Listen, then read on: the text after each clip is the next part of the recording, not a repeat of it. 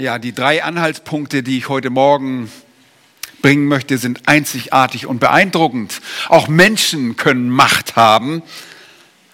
Und wir erinnern uns daran, dass Menschen nur Macht haben, dass sie Macht haben, weil sie von Gott verliehen wurde. Wir erinnern uns bei der Inhaftierung Jesu und der Begegnung Jesu mit Pilatus an Johannes 19, Vers 10 und 11, nachdem Jesus dem Pilatus keine Antwort auf seine Frage gab, heißt es, dass Pilatus zu ihm spricht und sagt, redest du nicht mit mir? Weißt du nicht, dass ich Vollmacht habe, dich zu kreuzigen und Vollmacht habe, dich freizulassen?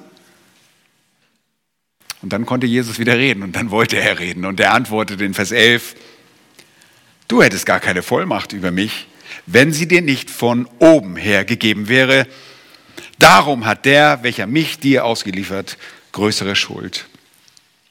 Pilatus hatte Vollmacht, weil sie ihm von Gott hergegeben wurde, so wie jede menschliche Obrigkeit Macht hat, die von Gott verliehen wurde. So heißt es in Römerbrief Kapitel 13, Vers 1. Jede, jedermann ordne sich den Obrigkeiten unter, die über ihn gesetzt sind, denn es gibt keine Obrigkeit, die nicht von Gott wäre. Die bestehende Obrigkeiten aber, bestehende Regierungen aber sind von Gott eingesetzt. Sie haben Macht von Gott eingesetzt. Nun auch Jesus selbst, ihm wurde Macht verliehen, selbst wenn er sich für eine Zeit auf Erden in gewissen Dingen einschränken sollte, so sagte er am Ende seines irdischen Dienstes, mir ist gegeben alle Macht, wo? Im Himmel und auf Erden. Matthäus 28, 18, ihr kennt diesen Vers, Teil des Missionsbefehls. Diese Macht sehen wir auch in unserem Text heute Morgen. Und ihr Lieben, wenn wir diese drei Punkte uns anschauen, diese drei Anhaltspunkte, dann nicht nur da, um euch zu informieren. Ich weiß, jeder Prediger sollte in, seiner, in seinem Thema eigentlich auch einen Zweck angeben. Ich habe hier drei Anhaltspunkte der königlichen Macht des Retters. Und was ist damit? Nun, wenn ihr diese drei Punkte der königlichen Macht des Retters erkannt, dann seid ihr als Kinder Gottes sehr, sehr getröstet. Ihr werdet einfach zuversichtlich freudig sein. Ihr werdet euch freuen daran, dass wir einen mächtigen König, einen mächtigen Retter haben. Eure Zweifel darüber, ob er euch dahin bringen kann, wo er euch haben will, die werden entfliehen. Andererseits wenn wir von dieser Macht lesen und kein Verhältnis zu diesem lebendigen Gott haben, sollte uns das beängstigen. Sollten wir uns das, sollte uns das, das fürchten lernen. Wir sollten auf die Knie gehen und sagen, Herr, erbarme dich auch meiner. Diese Macht spricht von der Gottheit Jesu. Und diese Macht stellte er unter Beweis. Für mich persönlich es ist immer wieder schön daran zu denken, dass Gott, der Herr, mächtig genug ist, mich ohne Straucheln, nun, dieses Straucheln ist ein permanentes Straucheln, ein Abfallen, ein, ein Weglaufen von ihm, dass er mich ohne Straucheln zu bewahren und unsträflich mit Freuden vor das ein, äh, Angesicht seiner Herrlichkeit hinzustellen vermag.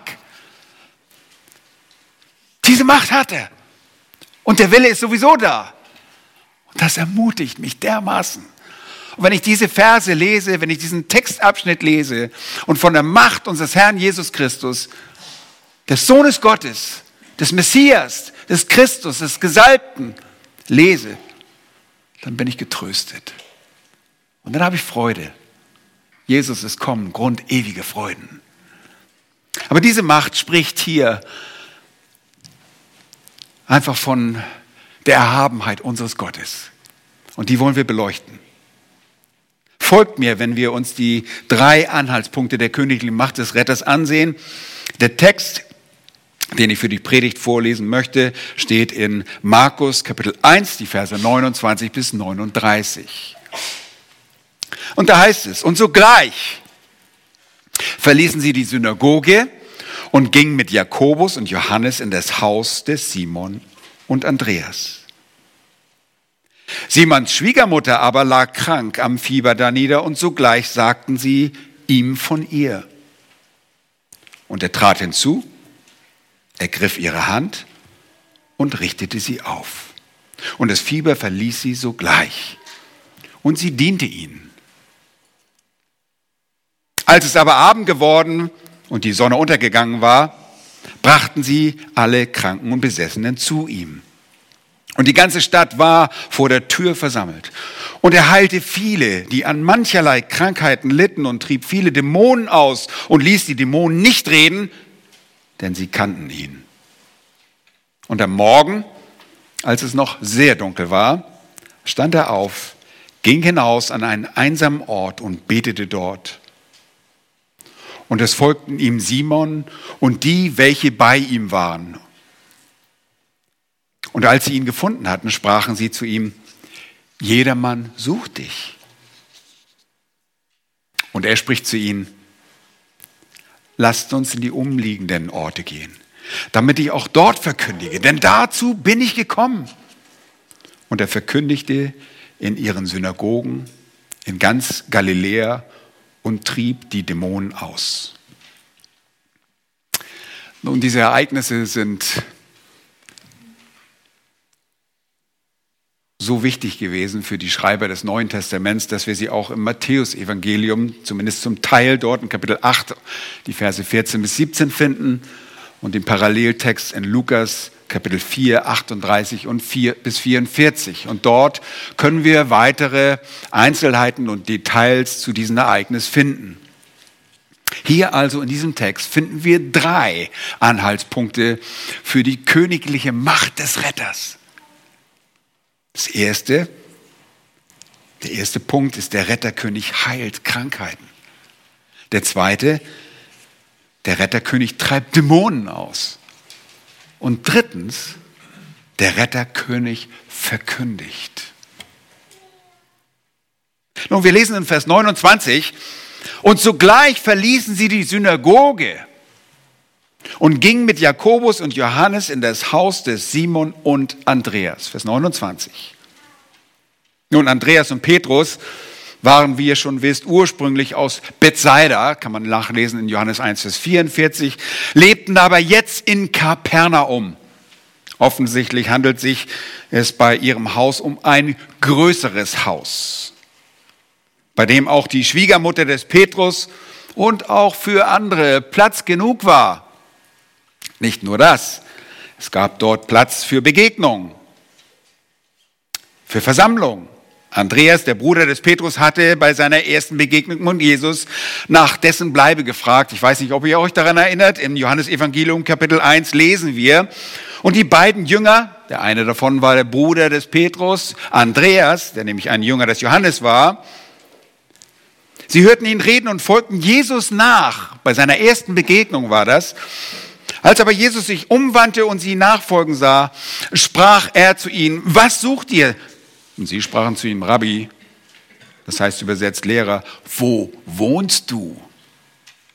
Er sprach zu ihnen, kommt und seht. Sie kamen und sahen, wo er wohnte und blieb, blieben jenen Tag bei ihm. Ihr erinnert euch, das war die erste Phase der Berufung dieser Jünger, das erste Begegnung. Und sie blieben noch nicht bei ihm, das spielte sich auch noch nicht in Galiläa ab.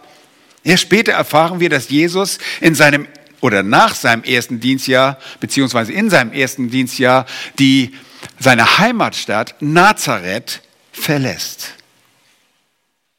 Da heißt es im Matthäusevangelium Kapitel 4 und Vers 13, und er verließ Nazareth und er ließ sich in Kapernaum nieder.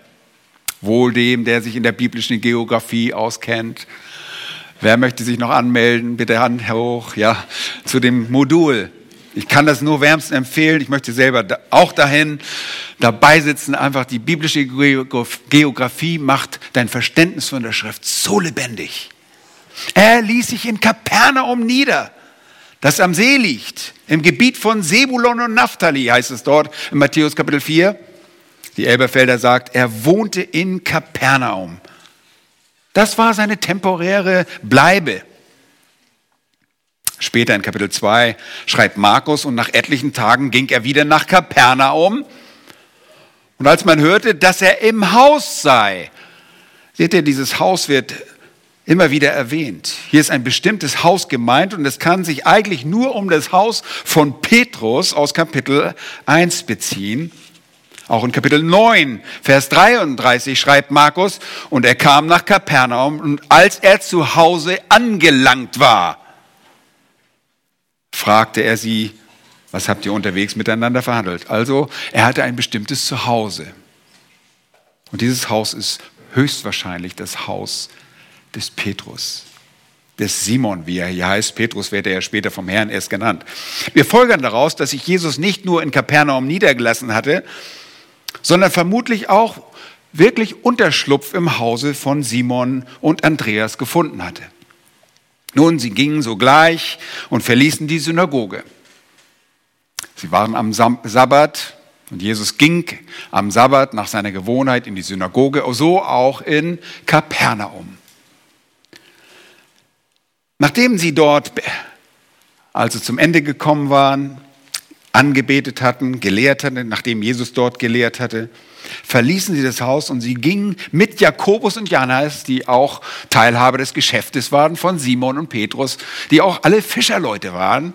Sie gingen sogleich in dieses Haus von Simon und Andreas. Diese Ereignisse spielen sich also zunächst einmal in diesem Haus ab. Welche Ereignisse? die Heilung der Schwiegermutter. Das ist der erste Teil dieser Heilung. Er stellt seine Macht unter Beweis. Dieser erste Anhaltspunkt ist, dass er heilt. Nun, das Haus des Petrus, wohl dem, der in der ersten Stunde schon heute Morgen da war, der durfte ein Bild sehen von der Ruine dieses Hauses. Die Ruinen des Hauses entdeckte man vor genau 50 Jahren, und zwar im April 1968, glaube ich, war das. Ich habe hier zwar 69 stehen, aber ich meine, es war 68. Es gibt historische Belege dafür, dass eine Kirche über Simons Haus gebaut wurde. Und ich meine nicht die katholische Kirche, die heute dort drüber steht. Äh, die katholische Kirche hat eine, ein Gebäude darüber gebaut, um diese Ruinen zu schützen, so sagt man. Nein, damals hatte eine spanische Nonne, Egeria, schrieb am Ende des vierten Jahrhunderts nach Christus, so um 381, zwischen 381 und 395, folgendes, Zitat Anfang. Und in Kapernaum wurde das Haus des Fürsten der Apostel Petrus in eine Kirche umgewandelt, deren ursprüngliche Mauern noch erhalten sind.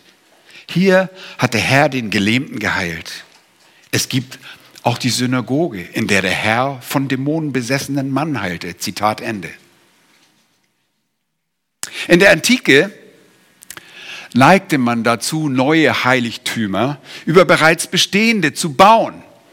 Dieses Haus galt ein, als ein gewisses Heiligtum für diese Leute, weil dort auch Versammlungen abgehalten wurden. Es war groß genug. Es gab dort einen Innenhof, der groß genug war, um bestimmte ähm, äh, Stunden und ähm, Anbetungsstunden, Versammlungen abzuhalten. Nun, dieses bestehende Heiligtum war in diesem Fall, dass man darüber baute, eine byzantinische, achteckige Kirche, eine Basilika, genau über dem großen Raum errichtet worden, in dem Jesus vermutlich des Öfteren gelehrt und auch geheilt hat. Ein namenloser Pilger schrieb zwischen 560 und 570 nach Christus und er nahm Notiz von der byzantinischen Basilika, die sich über dem Haus des Petrus, äh, die über dem Haus des Petrus gebaut wurde und er schreibt, Zitat Beginn, also kamen wir weiter nach Kapernaum zum Haus des heiligen Petrus, das heute eine Basilika ist. Zitat Ende.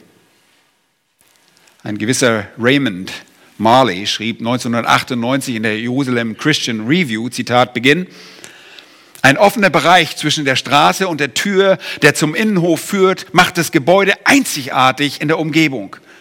Diese offene Fläche hätte einer großen Anzahl von Menschen Raum gegeben, um sich an der Tür von Petrus Haus zu sammeln, um die Predigt Jesu zu hören. Und das sehen wir auch später Wir sehen es einmal in Vers 33 und dann auch später in Kapitel 2, die Verse 1 bis 3. Weiter schrieb dieser Marley, im Innern des Gebäudes wurden zahlreiche Münzen, Töpferwaren und Öllampen aus dem ersten Jahrhundert sowie Artefakte, darunter mehrere Angelhaken entdeckt. Aha, Angelhaken. Archäologen fanden auch Beweise für Denkmäler, die von späteren christlichen Generationen um Petrus Haus errichtet wurden. Zitat Ende. Es handelt sich also hier um dieses Haus des Petrus und wir gehen davon aus, dass nicht nur Petrus, sondern auch der Herr dort eine Bleibe gefunden hat. Aber lasst uns einmal diesen ersten Anhaltspunkt der Macht des Retterkönigs ansehen wie es sich zunächst in diesem Hause darstellt. Der König, der Retterkönig heilt die Schwiegermutter des Petrus. Schaut mal in Vers 30. Simons Schwiegermutter aber lag krank am Fieber danieder. Und sogleich, wie kann es auch anders sein bei Markus, der braucht dieses sogleich auffällig oft, sagten sie ihm von ihr. Und er trat hinzu, ergriff ihre Hand und richtete sie auf, und das Fieber verließ sie sogleich. Und sie diente ihnen. Leben eine Geschichte, die so schnell und leicht sich lesen lässt und die man schnell überliest und an der man oft keine Gedanken verschwendet. Ha, die hat einfach Fieber gehabt und da war das Fieber weg. Aber Jesus demonstriert hier überwältigende Macht. Denkt nur einmal an diese Geschichte. Lukas schildert uns, Lukas, ihr erinnert euch, Lukas ist der Arzt, der auch Paulus begleitet hat auf seiner Missionsreise. Er hat immer ein besonderes Interesse an medizinischen Dingen. Lukas schildert uns, dass Simons Schwiegermutter von einem Pyretomegalo befallen war. Hm, meine Güte, was ist das denn? Nun, das ist die griechische Ausdrucksweise, die auch in unsere Sprache Einzug erhalten hat. Wir nehmen heutzutage in Deutschland beide Worte in den Mund. Mega, ha, mega cool, ja. Das ist echt mega stark. Und viele andere Worte mit, den, mit dieser Verbindung mega. Und dann noch das Wort Pyr, Feuer, finden wir zu, zum Beispiel in der Pyronale, einem Feuerwerkswettbewerb, das gerade vor zwei Monaten in Berlin stattgefunden hat, im Oktober. Eine Weltmeisterschaft gibt es sogar davon, darüber. Nun, Mediziner sprechen bei so einem sehr hohen Fieber von einem hyperpyretischen Fieber. Ein Fieber, das über 40,1 Grad Celsius bei einer Achselhöhlenmessung ist, nennt man so. Ein hyperpyretisch, das ist also das Feuer drin, weil es einfach so heiß ist im Körper. Ab 42,6 Grad tritt der Tod aufgrund der Eiweißgerinnung im Körper ein. Nun, was immer dieses Fieber auch ausgelöst haben mag, sie hatte Feuer in ihrem Körper, eine Hitze, ein Fieber. Bei Fieber ist die Regulation der Körperwärme durch den Hyperthalamus gestört. Oh meine Güte, ihr werdet noch richtig zu Medizinern heute Morgen. Der Hyperthalamus ist ein lebenswichtiger Teil des Zwischenhirns. Es ist ein Zentrum der Regulation für alle vegetativen und endokrinen Vorgänge. Er steuert die Atmung, den Kreislauf, Körpertemperatur sowie Flüssigkeits- und Nahrungsaufnahme. Und jetzt kommt Jesus und er tritt einfach hinzu. So, mir nichts, dir nichts. Nachdem er es von den Jüngern gehört hat, denn sie berichten ihm so gleich davon. Er tritt einfach hinzu und er greift ihre Hand. Er greift die Hand der Schwiegermutter, denn sie muss sehr erschöpft da niedergelegen haben und er richtet sie auf. Ich weiß nicht, wer von euch so hohes Fieber hatte, der weiß, wie erschöpft man ist, dass man sich hinlegt. Nun, Markus berichtet hier von dem Bewegungsablauf dieser Heilung. Lukas, der Arzt, fügt noch Folgendes hinzu. Er sagt, und er trat zu ihr und neigte sich über sie und befahl dem Fieber. Meine Güte, wer von euch hat schon mal mit einem Fieber gesprochen? Habt ihr schon eurem Fieber gesagt, geh jetzt mal weg, ich habe jetzt langsam die Nase voll? Und dabei wird uns einmal mehr deutlich, dass das Ergebnis dieser Begegnung Jesu mit der Schwiegermutter, dass die Macht und Autorität Jesu wirklich in seinen Worten lag. Er spricht, er befiehlt diesen Fieber, auch wenn Markus das jetzt hier nicht erwähnt. Was geschieht mit ihrem heftigen Fieber? Wir haben hier ein weiteres sogleich, lässt sich sehr gut einordnen. Der Zustand der erhöhten Körpertemperatur war augenblicklich beendet. Oh, wie wir uns das alle wünschen manchmal, oder? Besonders für unsere Kinder, wenn sie nachts krank sind, Sam. Das Fieber sank nicht langsam, sondern sprunghaft zurück auf die Normaltemperatur. Als Reaktion sehen wir das einzig Richtige. Schaut mal in Vers 31 und sie diente ihnen. Sie lässt nicht die, sagt nur, oh Jesus, du hast mich geheilt, die anderen, die können sich selbst bedienen. Nein, sie fängt sofort an zu dienen. Der Dienst der Schwiegermutter ist im Lichte der demonstrierten Macht Gottes eine angemessene Reaktion. Einfach nur angemessen. Und auf die sofortige körperliche Heilung kann man einfach nicht anders reagieren. Nun, der Bericht bei Markus ist sehr knapp gehalten. Aber wir können uns allzu gut vorstellen, welche Begeisterung nicht nur bei der Schwiegermutter, sondern bei, all an, bei allen Anwesenden das ausgelöst haben muss. Naja, ist ja nur ein Fieber. Nein, es war ein übermäßiges Fieber, ein heftiges Fieber, wie die anderen Evangelisten uns sagen. Und hier möchte ich noch eine Randbemerkung sagen, weil wir gerade die Schwiegermutter zu fassen haben. Es sei nur nebenbei gemerkt, dass Jesus durch seine Berufung der Jünger nicht die Familien der Jünger zerstörte, weil diese ihre Frauen und Kinder für den Herrn alle verließen. Jesus hat nicht gesagt, kommt, folgt mir nach und lasst eure Frauen mal da, wo die sind. Kinder, die sind sowieso nur Trouble, die könnt ihr zu Hause lassen, die machen nur Ärger. Kommt einfach. Das machte Jesus nicht. Sie führten auch nicht durch die Berufung eine Josefsehe mit ihren Frauen, die an sich schon eine falsche Auffassung der katholischen Kirche darstellt, so wie Josef ein Leben lang nicht mit Maria, der Mutter Jesu, intim geworden sein sollte, so seien nach der Auffassung einiger Anhänger dieser verkehrten Ansicht auch die Jünger nach ihrer Berufung seinem Beispiel gefolgt. Könnt ihr euch verstehen? Jesus sagt, kommt, eure Frauen, vergesst eure Frauen, folgt mir nach. Nein, dem können wir einfach nur entgegensetzen, dass Petrus noch immer bei seiner Familie lebte. Und ihr stellt fest, die Schwiegermutter im Haus, ist das eine gute Idee? Nun, ich empfehle euch, zieht aus.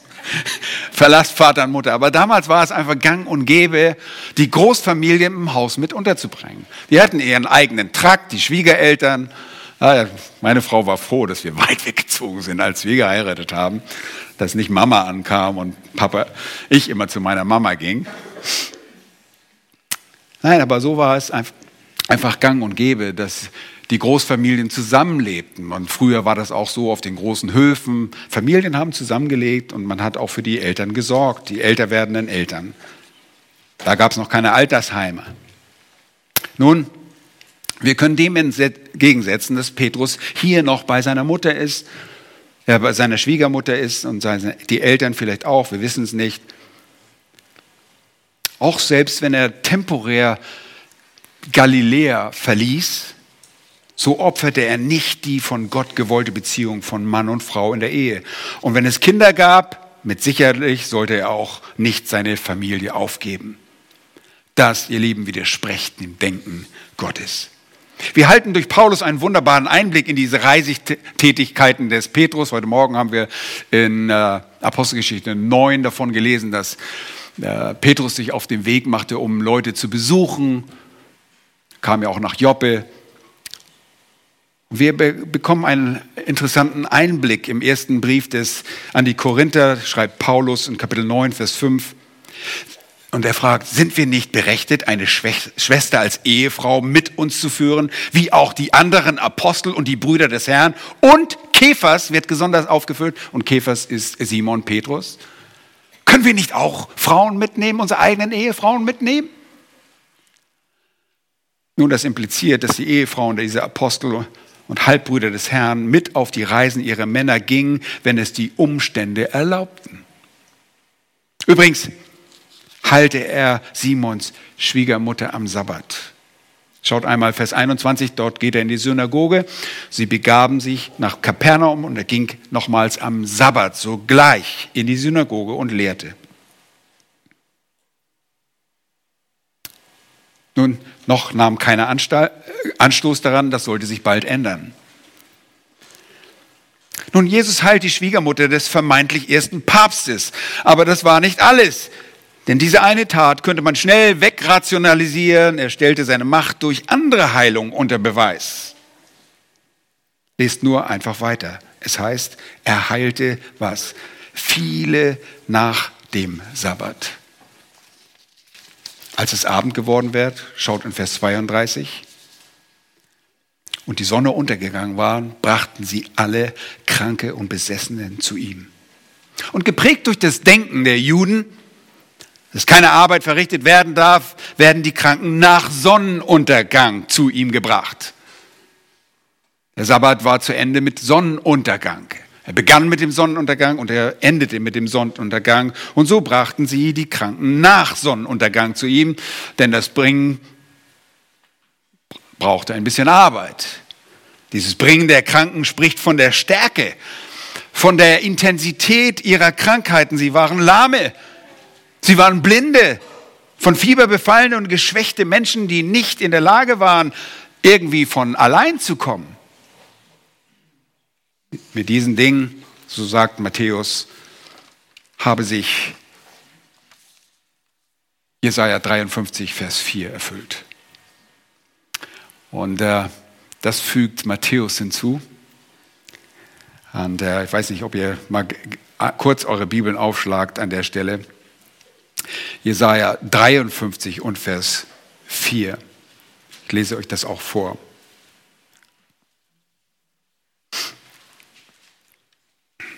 Für wahr, er hat unsere Krankheit getragen und unsere Schmerzen auf sich geladen. Wir aber hielten ihn für bestraft, von Gott geschlagen und niedergebeugt. Nun offen gesprochen, leider wird dieser Text von vielen Auslegern, Übersetzern und vor allem von Charismatikern dazu benutzt, um zu zeigen, dass Jesus uns auch von der Krankheit befreien will und es nicht normal ist, wenn wir krank werden. Ich habe es mehrfach erlebt, dass ich angesprochen wurde, weil ich krank war und man mir sagte, oh, irgendwas stimmt bei dir nicht, irgendwas ist mit deinem geistlichen Leben nicht in Ordnung, du bist krank. Und das wird hier leider mit Krankheit übersetzt. Es ist leider ein Irrtum. Wir müssen bei genauer Betrachtung von Jesaja 53 und Vers 4 feststellen, dass bei dieser Stelle der Knecht, der kommende Messias, die geistlichen Schmerzen und Sorgen tragen würde. Die körperlichen Leiden stehen hier nicht im Blickfeld in der Jesaja-Stelle. Wir sollten beachten, dass das Wort Schuld, das Wort Sünde und Vergehen in den zwölf Versen da von Jesaja 53 sechsmal vorkommen. So schreibt er auch Richard Mayhew in seinem Buch Dein Glaube hat dich geheilt, was die Hauptbedeutung dieses Abschnittes ausmacht. In Vers 5 wird der Erlöser um unser Vergehen will durchbohrt und um unser Sündenwillen geschlagen. In Vers 11 trifft ihn Strafe wegen des Vergehens seines Volkes. Vers 6 sagt, Jahwe ließ ihn treffen um unsere Schuld. Ihre Sünden wird er sich selbst aufladen. Und dann heißt es, und er hat die Sünden vieler getragen. Vers 12. Die gesamte Stoßrichtung des Jesajas in Kapitel 53 liegt primär in der geistlichen, ewigen Bedeutung von Sünde und deren Sühnung und nicht in der körperlichen, ihr Lieben, nicht in der körperlichen, vorübergehenden Wirkung auf unseren Körper. In Jesaja 53, Vers 4 lesen wir, dass er unsere Leiden getragen und unsere Schmerzen auf sich geladen hat. Nun, dieselben Verben werden dort auch in den Versen 11 und 12 verwendet, und wenn wir diese Verse 3 und 4 mit den Versen 12 und 13 nun vergleichen, dann erkennen wir, dass sich die Bedeutung auf die Errettung bezieht und nicht auf körperliche Heilung. Nun, was macht Matthäus denn jetzt? Matthäus gibt den Text in seiner Erzählung eine andere Bedeutung. Er wendet die Worte aus Jesaja auf die Macht und Kraft der Heilung während des Dienstes Jesu an. Es ist eine Anwendung und bekommt eine neue Bedeutung im Matthäusevangelium. Das Wort erfüllt Plerao erfüllt es eine Ergänzung zu der ursprünglichen Bedeutung in Jesaja 53. Jesaja 53, ihr Lieben, spricht nicht von Heilung von Krankheiten. Erst Matthäus wendet das auf Krankheiten an. Es ist keine buchstäbliche Erfüllung einer Voraussage, die in Matthäus erfüllt wird. Das nur nebenbei. Die Kürze des Schreibens von Markus lässt es nicht zu, er geht gar nicht darauf ein und auch die römischen äh, Christen haben wenig Kenntnis aus dem Alten Testament, deshalb lässt er das außen vor. Aber ich bin mir sicher, dass das genau so gelehrt wurde. Wenn äh, irgendjemand nachgefragt hat, ist Jesus auch gekommen, um meine Krankheit zu nehmen? Wieso bin ich noch krank? Warum habe ich noch Schmerzen? Ihr Lieben, wir stehen unter dem Fluch dieser Sünde und sind davon nicht ausgenommen, auch nicht als Kinder Gottes. Wir, der Fluch trifft diese Welt und wir leben in dieser Welt. Er trifft unsere Körper und wir sind davon nicht ausgenommen. Eines Tages wird er alles von uns nehmen, jeden Schmerz, jedes Leid und auch unsere körperlichen Leiden. Nun hier heißt es, Sie brachten Kranken und Besessenen zu ihm und die ganze Stadt war vor der Tür versammelt. Was meint ihr, warum die ganze Stadt kam? Wenn ihr heute nur einen wirklichen, echten Wunderheiler haben würdet, die Menschen würden sich nur so um ihn scharen. Es heißt hier von Jesus, dass er viele heilte. Es sind nicht nur ein paar, nicht nur vereinzelt. Im Laufe der Geschichte lesen wir immer wieder, dass er viele, viele Blinde lesen wir an einer Stelle. Da waren nicht fünf, sechs, sieben, acht oder neun, zehn Blinde. Viele Blinde sind für mich viel. Das sind ein Haufen Menschen. Wenn Jesus da gewesen wäre, wo die Kranken sind, dann hätte er sie heil, geheilt. Das, was heute die Scharlatane nicht können konnte Jesus. Das ist seine königliche Macht. Das konnte nur er. Und es konnten diejenigen, die er dazu autorisierte, für eine gewisse Zeit. Wer war das? Die Apostel und die Assoziierten, die mit den Aposteln verbundenen Menschen. Für eine gewisse Zeit. Und dann war Schluss. Jesus stellt hier seine königliche Macht unter Beweis. Er heilt solche, die durch Dämonen krank oder besessen waren. Nun, Dämonen können die Ursache für Krankheiten sein. Das ist nicht immer der Fall und wir können das heute auch nicht immer beurteilen. Nochmals, wir erinnern uns daran, die Dämonen waren in einer besonderen Aktivität, als Jesus auf Erden war. Warum? Sie gerieten in Panik.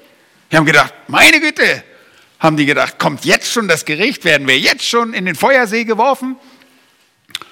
Und vor, aus Panik heraus outeten sie sich, gaben bekannt, wer sie waren. Kommt gleich noch dazu. Aber er heilt solche, die auch Dämonen, durch Dämonen krank waren. Einige waren niedergestreckt. Vielleicht fallen darunter epileptische Anfälle, die man heute vielleicht als solche klassifiziert. Wir wissen das heute nicht. Wir können nicht sagen, du bist jetzt krank, weil du von einem Dämon besessen bist. Das können wir nicht sagen. Er heilt die verschiedensten Krankheiten. Schaut mal Vers 34. Er heilte viele, die an mancherlei Krankheiten litten. Die kamen nicht nur mit ihrem Schnupfen an, oh, ich habe erhöhte Temperatur, kannst du mal mein Fieder senken, sondern das waren echte Krankheiten. Das waren Lahme, die von Geburt an nicht gehen konnten. Es waren Blinde, die nicht sehen konnten. Das war nicht irgendwas, oh, ich habe heute so ein bisschen Rückenschmerzen, könntest du mal deine Hand drauflegen? Oh, ich kann wieder gehen. Wie bei Herr Benny Hinn, der ein Scharlatan ist und vorgibt, Menschen heilen zu können. Jesus ist der Sohn Gottes und er hat die Macht über Krankheiten. Die verschiedensten Krankheiten. Nichts war ihm zu schwer. Lieben, wäre es nicht wunderbar, wenn Jesus heute mal kommen würde, durch ein paar Krankenhäuser zieht und alle gesund macht? Aber das war nicht sein Auftrag. Ich persönlich glaube, erstens dient es dazu, dass Jesus geheilt hat. Aus dem Alten Testament wissen wir, dass wenn der Messias kommen sollte und wenn das Reich da sein sollte, dass er Lahme wieder gehend machen wird, dass Blinde wieder sehen werden, dass den Armen das Evangelium verkündigt wird. Das war Zweck der Identifizierung. Und zum Zweiten hatte Jesus immer Mitgefühl. Er war nicht kaltherzig. Er ging nicht einfach vorbei und sagte, ach, lass mich doch. Ich habe was Wichtiges zu tun. Er hat einfach Mitgefühl gehabt und er heilte die verschiedensten Krankheiten und trieb verschiedene Dämonen aus und damit war die Krankheit auch beendet. Der erste Anhaltspunkt ist also, der Retterkönig heilt. Dann sehen wir ab Vers 32, dort am Ende, sie brachten Besessene zu ihm, Jesus treibt Dämonen aus. Vers 34b, und er ließ die Dämonen, er trieb viele Dämonen aus und ließ die Dämonen nicht reden, denn sie kannten ihn. Und auch am Ende von Vers 39, in der zweiten Hälfte von 39, er trieb Dämonen aus. Es wird mehrfach gesagt. Nochmals eine außergewöhnliche Anhäufung von diesen Begebenheiten und äh, Dämonen, die äh, auftreten. Die Dämonen waren, wie gesagt, zum Teil Ursache für Krankheiten und die Dämonen haben Menschen einfach regelrecht tyrannisiert. Und ich spreche manchmal mit Leuten aus Psychiatrien, gerade in dieser Woche mit jemandem gesprochen, der in der Psychiatrie sitzt. Und diese Person sagt mir, ich sitze hier nur mit Leuten, die völlig verrückt sind, völlig durcheinander sind. Und ich weiß es nicht, ob diese Menschen einfach durchdrehen oder ob die, sie von Dämonen tyrannisiert werden. Das kann gut sein. Dämonen haben eine Absicht. Sie wollen die Pläne Gottes durchkreuzen und sie tyrannisieren Menschen. Wir haben schon beim ersten Mal, als ich darüber gesprochen habe, gesagt, dass ein ungläubiger Mensch keinen Schutz vor Dämonen hat. Es ist einfach die Gnade Gottes, wenn der ungläubige Mensch bewahrt wird und nicht besessen wird von einem Dämon. Besessenheit bedeutet, der, der Dämon, der gefallene Engel, bewohnt einen Menschen, macht diesen Menschen zu seiner Behausung und tyrannisiert ihn, beeinflusst ihn nachhaltig. Nun, Dämonen handeln auf eine sehr subtile Art und Weise heutzutage. Sie outen sich nicht immer. Sie sagen nicht immer, ich bin hier oder machen irgendwelche Geräusche, geben nicht Geräusche von sich oder sprechen auch nicht aus Menschen heraus. Das kommt selten vor. Ich habe euch davon erzählt. Aber wenn sie sprechen, und sie taten es bei Jesus, als Jesus da war, sagten sie immer, du bist der Sohn Gottes, wir kennen dich, du bist der Heilige Gottes, wir haben das schon gesehen. Und auch hier, er ließ die Dämonen, Vers 34, nicht reden. Er ließ sie nicht reden. Warum? Die Dämonen kennen Jesus. Sie haben oftmals eine bessere Theologie als die Menschen. Sie wissen, wer er ist. Sie wissen, dass Gericht kommt. Aber Jesus möchte kein Publicity für sich selbst von den Anhängern des Teufels. Er will keine Propaganda für ihn. Er verbietet das. Stell dir vor, heute auf der Straße und alle Dämonen fangen an zu schreien. Jesus, der Sohn Gottes. Vom Teufel. Und das verbietet er ihnen. Und er bringt dadurch wieder seine Macht zum Ausdruck. Hier sind wieder seine Worte. Er spricht, er sagt ihnen, das tut ihr nicht, fahrt aus. Er spricht und sie fahren aus. Er hat keine besondere Praktik, er muss keine besondere Formel aussprechen, sondern er befiehlt ihnen und sie fahren aus. Und das könnt ihr nachlesen, auch in den Parallelstellen. Und es gibt sehr viele Stellen im Neuen Testament, die uns das beschreiben. In Lukas 8 lesen wir zum Beispiel, und es geschah, dass er von Stadt zu Stadt und von Dorf zu Dorf zog, wobei er das Evangelium vom Reich Gottes verkündigte. Und die Zwölf waren mit ihm und auch etliche Frauen, die von bösen Geistern und Krankheiten geheilt worden waren. Und dazu gehörte Maria, genannt Magdalena, von der sieben Dämonen ausgefahren waren. Und Johanna, die Frau Kussas, des Verwalters des Herodes und Susanna und viele andere, die ihm dienten mit ihrer Habe. Eben, Dämonen kommen oft nicht allein, sie kommen in Scharen. Wir wissen auch von einer Begebenheit, dass sie in Legionen kamen und äh, dass es mehrere sind, die besessen, eine Person besessen haben. Und Jesus kommt und hat die Macht zu sagen, du fährst aus diesen Menschen aus. Wir haben die Macht der Dämonen beim letzten Mal gesehen, dass Engel, die gebunden sind, losgelassen werden in der Offenbarung, um ein Drittel der Menschheit zu verderben. Sie sind mächtig. Wir haben von dem Besessenen gelesen in Dekapolis, äh, als Jesus auf die andere Seite des Sees ging und er begegnete jemanden, der gebunden wurde und der in der Öde lebte, der gebunden mit Fesseln und mit Ketten gebunden war, der sich jemals immer wieder befreite. Sie haben Macht, aber Jesus treibt sie aus. Unter den Opfern waren, wie gesagt, viele Frauen oder sind viele Frauen und auch jüngere Menschen. Wir lesen von Kindern, die tyrannisiert wurden, von Töchtern und Söhnen, die tyrannisiert wurden. Und Eltern kommen und bitten Jesus um Hilfe. Und er lässt sich bitten und er treibt Dämonen aus. Eben, er hat die Macht, Dämonen auszutreiben und das spricht eindeutig davon, wer er ist. Er ist der Sohn Gottes. Nun, oftmals hört man Leute sagen, ja, Dämonen sind heute nicht mehr so aktiv. Das ist ein Irrtum. Dämonen sind überall zu finden, in jeder falschen Lehre. In jeder Gruppierung, die nicht die Wahrheit spricht, sind Dämonen aktiv am Werk. Paulus sagt, dass in der letzten Zeit Menschen den Lehren der Dämonen folgen werden. Dämonen nehmen Einfluss auf das Denken der Menschen.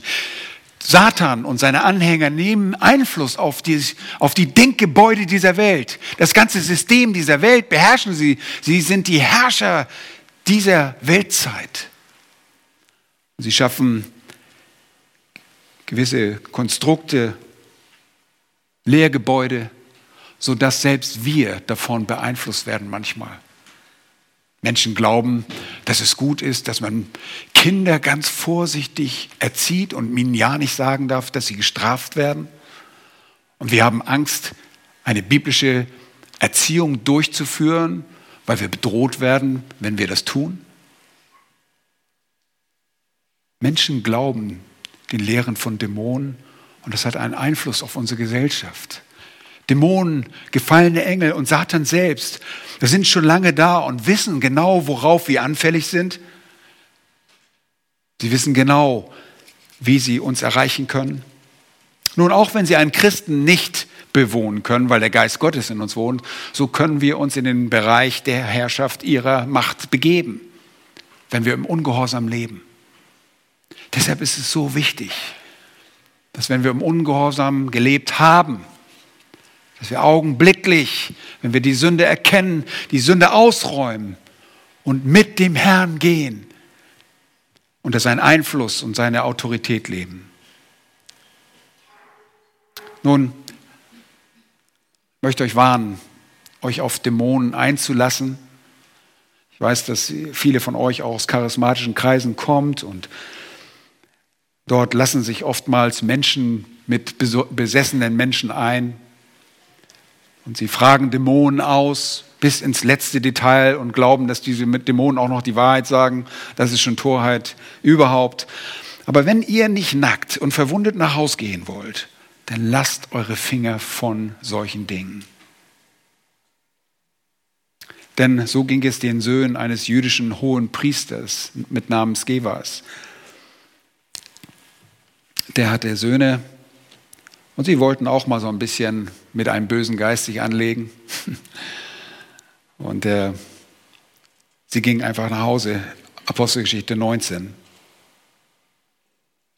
Gott wirkte ungewöhnliche Wunder durch die Hände der Apostel, heißt es dort, sodass sogar Schweißtücher und Gürtel von seinem Leib zu den Kranken gebracht wurden und die Krankheiten von ihnen wichen und die bösen Geister von ihnen ausfuhren. Warum konnten die Apostel das? Weil sie die Autorität hatten. Sie wurden beauftragt dazu. Wir wissen 2. Korinther 12, 12, durch die Hände der Apostel geschahen all diese Zeichen. Ja, das waren Wunder der Apostel.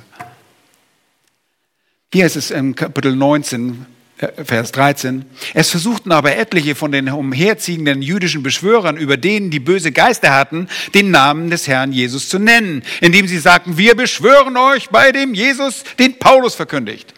Kennt ihr das irgendwoher? Wie oft habe ich Leute gehört? Ich binde dich, ich binde dich, Satan, und du Dämon des Hasses oder den, was weiß ich nicht alles. Man gibt ja alles mögliche Namen von Dämonen, äh, territoriale Dämonen und so weiter. Hier versuchen diese Leute, diese Geister zu beschwören. Und da waren in Vers 14 waren sieben Söhne eines jüdischen hohen Priesters Gevas, die taten das. Aber der böse Geist antwortete und sprach, Jesus kenne ich und von Paulus weiß ich, aber wer seid ihr? Und der Mensch, in den der böse Geist war, sprang auf sie los und er überwältigte sie und zeigte ihnen dermaßen seine Kraft, dass sie entblößt, also nackt und verwundet aus jenem Haus flohen. Könnt ihr euch vorstellen? Huh, huh, huh. Die ging nach, nach Hause, geschlagen. Aus. Lasst euch nicht auf Dämonen ein. Die Kraft hat Gott allein. Wisst ihr was? Diese Kraft, die wir anwenden, ist die Kraft des Evangeliums, die Kraft der Verkündigung. In Vers 35 macht Markus einen Kommentar da heißt es, und am Morgen, als es noch sehr dunkel war, stand er auf, das ist Jesus, und ging hinaus an einen einsamen Ort und betete dort. Irgendwie denkt, oh, okay, passt irgendwie in die Geschichte rein. Markus bringt das hinein, weil der Geist Gottes das sehr wichtig findet, dass wir erfahren, was Jesus tut. Es muss sehr früh am Morgen gewesen sein, dass sich Jesus aufmachte, um mit dem Vater Gemeinschaft zu suchen. Selbst im Winter beginnt in dieser Gegend schon um 5 Uhr, beginnt es an zu dämmern. Gegen 5 Uhr beginnt die astronomische Dämmerung. Eine halbe Stunde später die nautische und noch eine halbe Stunde später die bürgerliche Dämmerungsphase. Im Sommer ist der Tag vier Stunden länger. Und da Marco schreibt, dass es noch sehr dunkel war, müssen wir davon ausgehen, dass es sich bereits vor 5 Uhr, vielleicht sogar vor 4 Uhr morgens, je nach Jahreszeit, an ein öden Platz zu gelangen, um dort allein zu sein und aufmachte. Wenig später in seinem Dienst macht er das ganz, ganz genau auf, diese, auf eine sehr ähnliche Weise. Und Lukas schildert uns das. Er aber hielt sich zurückgezogen an einem einsamen Ort und betete. Und du fragst dich, Jesus betete? Ja, Jesus betete zu seinem Vater. Die enge Gemeinschaft zu seinem Vater suchte er. Ja, er stellte seine Macht unter Beweis, aber er lebte immer in der Abhängigkeit zu seinem Vater. Wisst ihr was? Eins der schönen Dinge, die wir aus der Menschwerdung Jesu lernen, ist, er gibt uns ein Vorbild dafür, wie wir leben sollen. Ein ganz praktisches Vorbild. Er ist gekommen, ja, er wurde ins Fleisch, um uns zu erlösen, aber er gibt uns auch ein ganz praktisches Vorbild, wie wir uns verhalten sollen.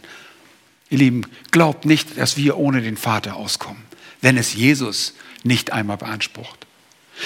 Nach der Speisung der 5000 berichtet Matthäus, und nachdem er die Menge entlassen hat, stieg er auf den Berg, um abseits zu beten. Und als es Abend geworden war, heißt es dort, war er dort allein. Er suchte die Einsamkeit und die Gemeinschaft mit seinem Vater. Genauso in Markus 6, 46. Später auch in Markus 14 in Gethsemane. Vers 32 dort. Jesus blieb in der Abhängigkeit seines Vaters. Und das, was er tat, waren die Werke des Vaters und das, was er redete, waren die Worte des Vaters. Und darauf komme ich jetzt. Das dritte. Das zweite war, er treibt Dämonen aus. Das dritte, Jesus, der Retterkönig, verkündigt. Und ich habe zu viel gesagt. Weil die Zeit ist vorangeschritten. Aber wir lesen das trotzdem. Und am Morgen, als es noch sehr dunkel war, stand er auf, ging hinaus an einem einsamen Ort und betete dort. Und es folgten ihm Simon und die, welche bei ihm waren. Okay, das muss man so verstehen. Jesus steht auf, sie laufen ihm nach, sie stellen fest, er ist nicht mehr da, sie eilen ihm nach, heißt es in der Elberfelder in Markus 1,36. Die mit ihm waren, eilten ihm nach und als sie ihn gefunden hatten, sprachen sie zu ihm, jedermann sucht dich. Warum wohl? Die waren alle noch begeistert vom Vortag. Heil, Heilungen standen fast, Besessene wurden äh, frei von Dämonen. Alle suchen dich. Und er spricht zu ihnen, lasst uns in die umliegenden Orte gehen, damit ich auch dort verkündige, denn dazu bin ich gekommen. Und er verkündigte in ihren Synagogen in ganz Galiläa und trieb Dämonen aus. Die Verkündigung war seine Priorität. Und darin lag seine eigentliche Macht. Er war aus diesem Grund gekommen. Schaut in Vers 38, dort steht es sogar. Dazu bin ich gekommen. Es war ein Grund seines Kommens, das Evangelium des Reiches zu verkündigen, Menschen zur Umkehr zu rufen, zur Buße. Und in seiner Verkündigung lag eine große Kraft und Macht. Wenn Jesus verkündigte, dann waren es Wahrheiten, die für das Leben eines Menschen maßgeblich und von grundlegender Bedeutung waren und sind. Es sind die Worte, die an Bedeutsamkeit nicht verlieren. Von diesen Worten sagt Jesus selbst, Himmel und Erde werden vergehen, aber meine Worte werden nicht vergehen. Nun, wir kennen alle die Fehlbarkeit unserer eigenen Worte, dass wir so manches Mal nicht zu dem stehen, was wir gesagt haben, oder? Nicht so bei Jesus. Er redete als Gott. Sein Wort ist mächtig und ihr erinnert euch sogar, Jesus ist der Schöpfer dieser Welt. Er sprach sogar Dinge ins Dasein. Die Himmel sind durch sein Wort, das Wort Jahwes gemacht und ihr ganzes Heer durch den Hauch seines Mundes. Johannes der Täufer erkannte, der, den Gott gesandt hatte, redet die Worte Gottes. Johannes 3, 34. Und Jesus bestätigt das. Die Worte, die ich zu euch rede, sind nicht aus mir selbst. Johannes 14, 10. Und weiter in Kapitel 12, 14, Vers 24. Und das Wort, das ihr hört, ist nicht mein, sondern des Vaters, der mich gesandt hat. Und in diesen Worten liegt immer noch sehr viel Macht und Kraft. Jesus sagt selbst von den Worten, die er redet, der Geist ist es, der lebendig macht. Das Fleisch nützt gar nichts. Die Worte, die ich zu euch rede, sie sind Geist und Leben. Die Worte Jesu werden richtig verstanden und aufgenommen, wenn sie richtig absorbiert werden, generieren, erzeugen, leben. Das ist wahre Macht. Und das drückt Jesus in Johannes 5, 24 aus. Er sagt, wahrlich, wahrlich, ich sage euch, wer mein Wort hört und dem glaubt, der mich gesandt hat, der hat ewiges Leben und kommt nicht ins Gericht, sondern ist vom Tod zum Leben hindurchgedrungen. Petrus erkannte das und er entgegnet dem Herrn, du hast Worte ewigen Lebens. Ihr Lieben, das sind mächtige Worte. Worte, die das menschliche Herz verändern. Und dann sagt er, wir haben geglaubt und erkannt, dass du der Christus bist, der Sohn des lebendigen Gottes. Das sagt Petrus. Und im ersten Petrusbrief fasst er das so wunderbar zusammen. Die ganzen Gedanken über das Wort Gottes sagt er, wir sind wiedergeboren oder ihr seid wiedergeboren, sagt er dort in 1. Petrus 1, Vers 23, nicht aus vergänglichen, sondern aus unvergänglichen Samen. Hört mal gut zu. Durch das lebendige Wort Gottes, das in Ewigkeit bleibt. Denn alles Fleisch ist wie Gras und alle Herrlichkeit des Menschen wie das Blume, äh, die Blume des Grases. Das Gras ist verdorrt, seine Blume abgefallen, aber das Wort des Herrn bleibt in Ewigkeit. Das ist aber das Wort, welches euch als Evangelium verkündigt worden ist. Das Evangelium, das verkündigt wurde und das verkündigt wird, das ist die verändernde Kraft im Leben eines Menschen. Im Leben eines Menschen, der glaubt. Und es ist so wunderbar. Du bist nicht zum Glauben. Wenn du ein Kind Gottes bist, bist du nicht zum Glauben gekommen, weil irgendeiner ein Hokuspokus gemacht hat. Weil irgendwie ein, ein cooler, dufter Typ ist. Wie der Borchmann. Nein, sondern weil ihr das Wort Gottes gehört habt. Und ihr seid von der Wahrheit überzeugt worden. Ihr habt diese Wahrheit angenommen. Und diese Wahrheit ist der Same, der in euch aufgegangen ist. Und ihr seid zu Kindern Gottes geworden. Jakobus sagt es, ihr seid geboren durch das Wort der Wahrheit. Da liegt die Kraft. Und dazu war Jesus gekommen. Er predigte. Und Menschen wurden verändert durch die Predigt. Das Evangelium, das verkündigt wurde, von dem Paulus schreibt in Römer 1, schäme mich des Evangeliums von Christus nicht, denn es ist die Kraft zur Rettung für jeden, der glaubt. Zuerst für den Juden, dann für den Griechen. Und dann sagt Jesus, wer aus Gott ist, der hört die Worte. Der hört auf die Worte. Und diese Worte sind die verändernde Kraft und die Macht Gottes. Wo findet ihr einen Menschen, der so sein kann wie Jesus? Nirgends. Er ist wahrer Gott und wahrer Mensch gleichzeitig. Er sprach und es geschah tatsächlich. Ohne Trick, ohne Hinterlist. Tatsächliche Macht. Und das ist ein Beweis dafür, dass er derjenige ist, der fähig ist, auch uns zu erretten. Und das sollten die Menschen erkennen.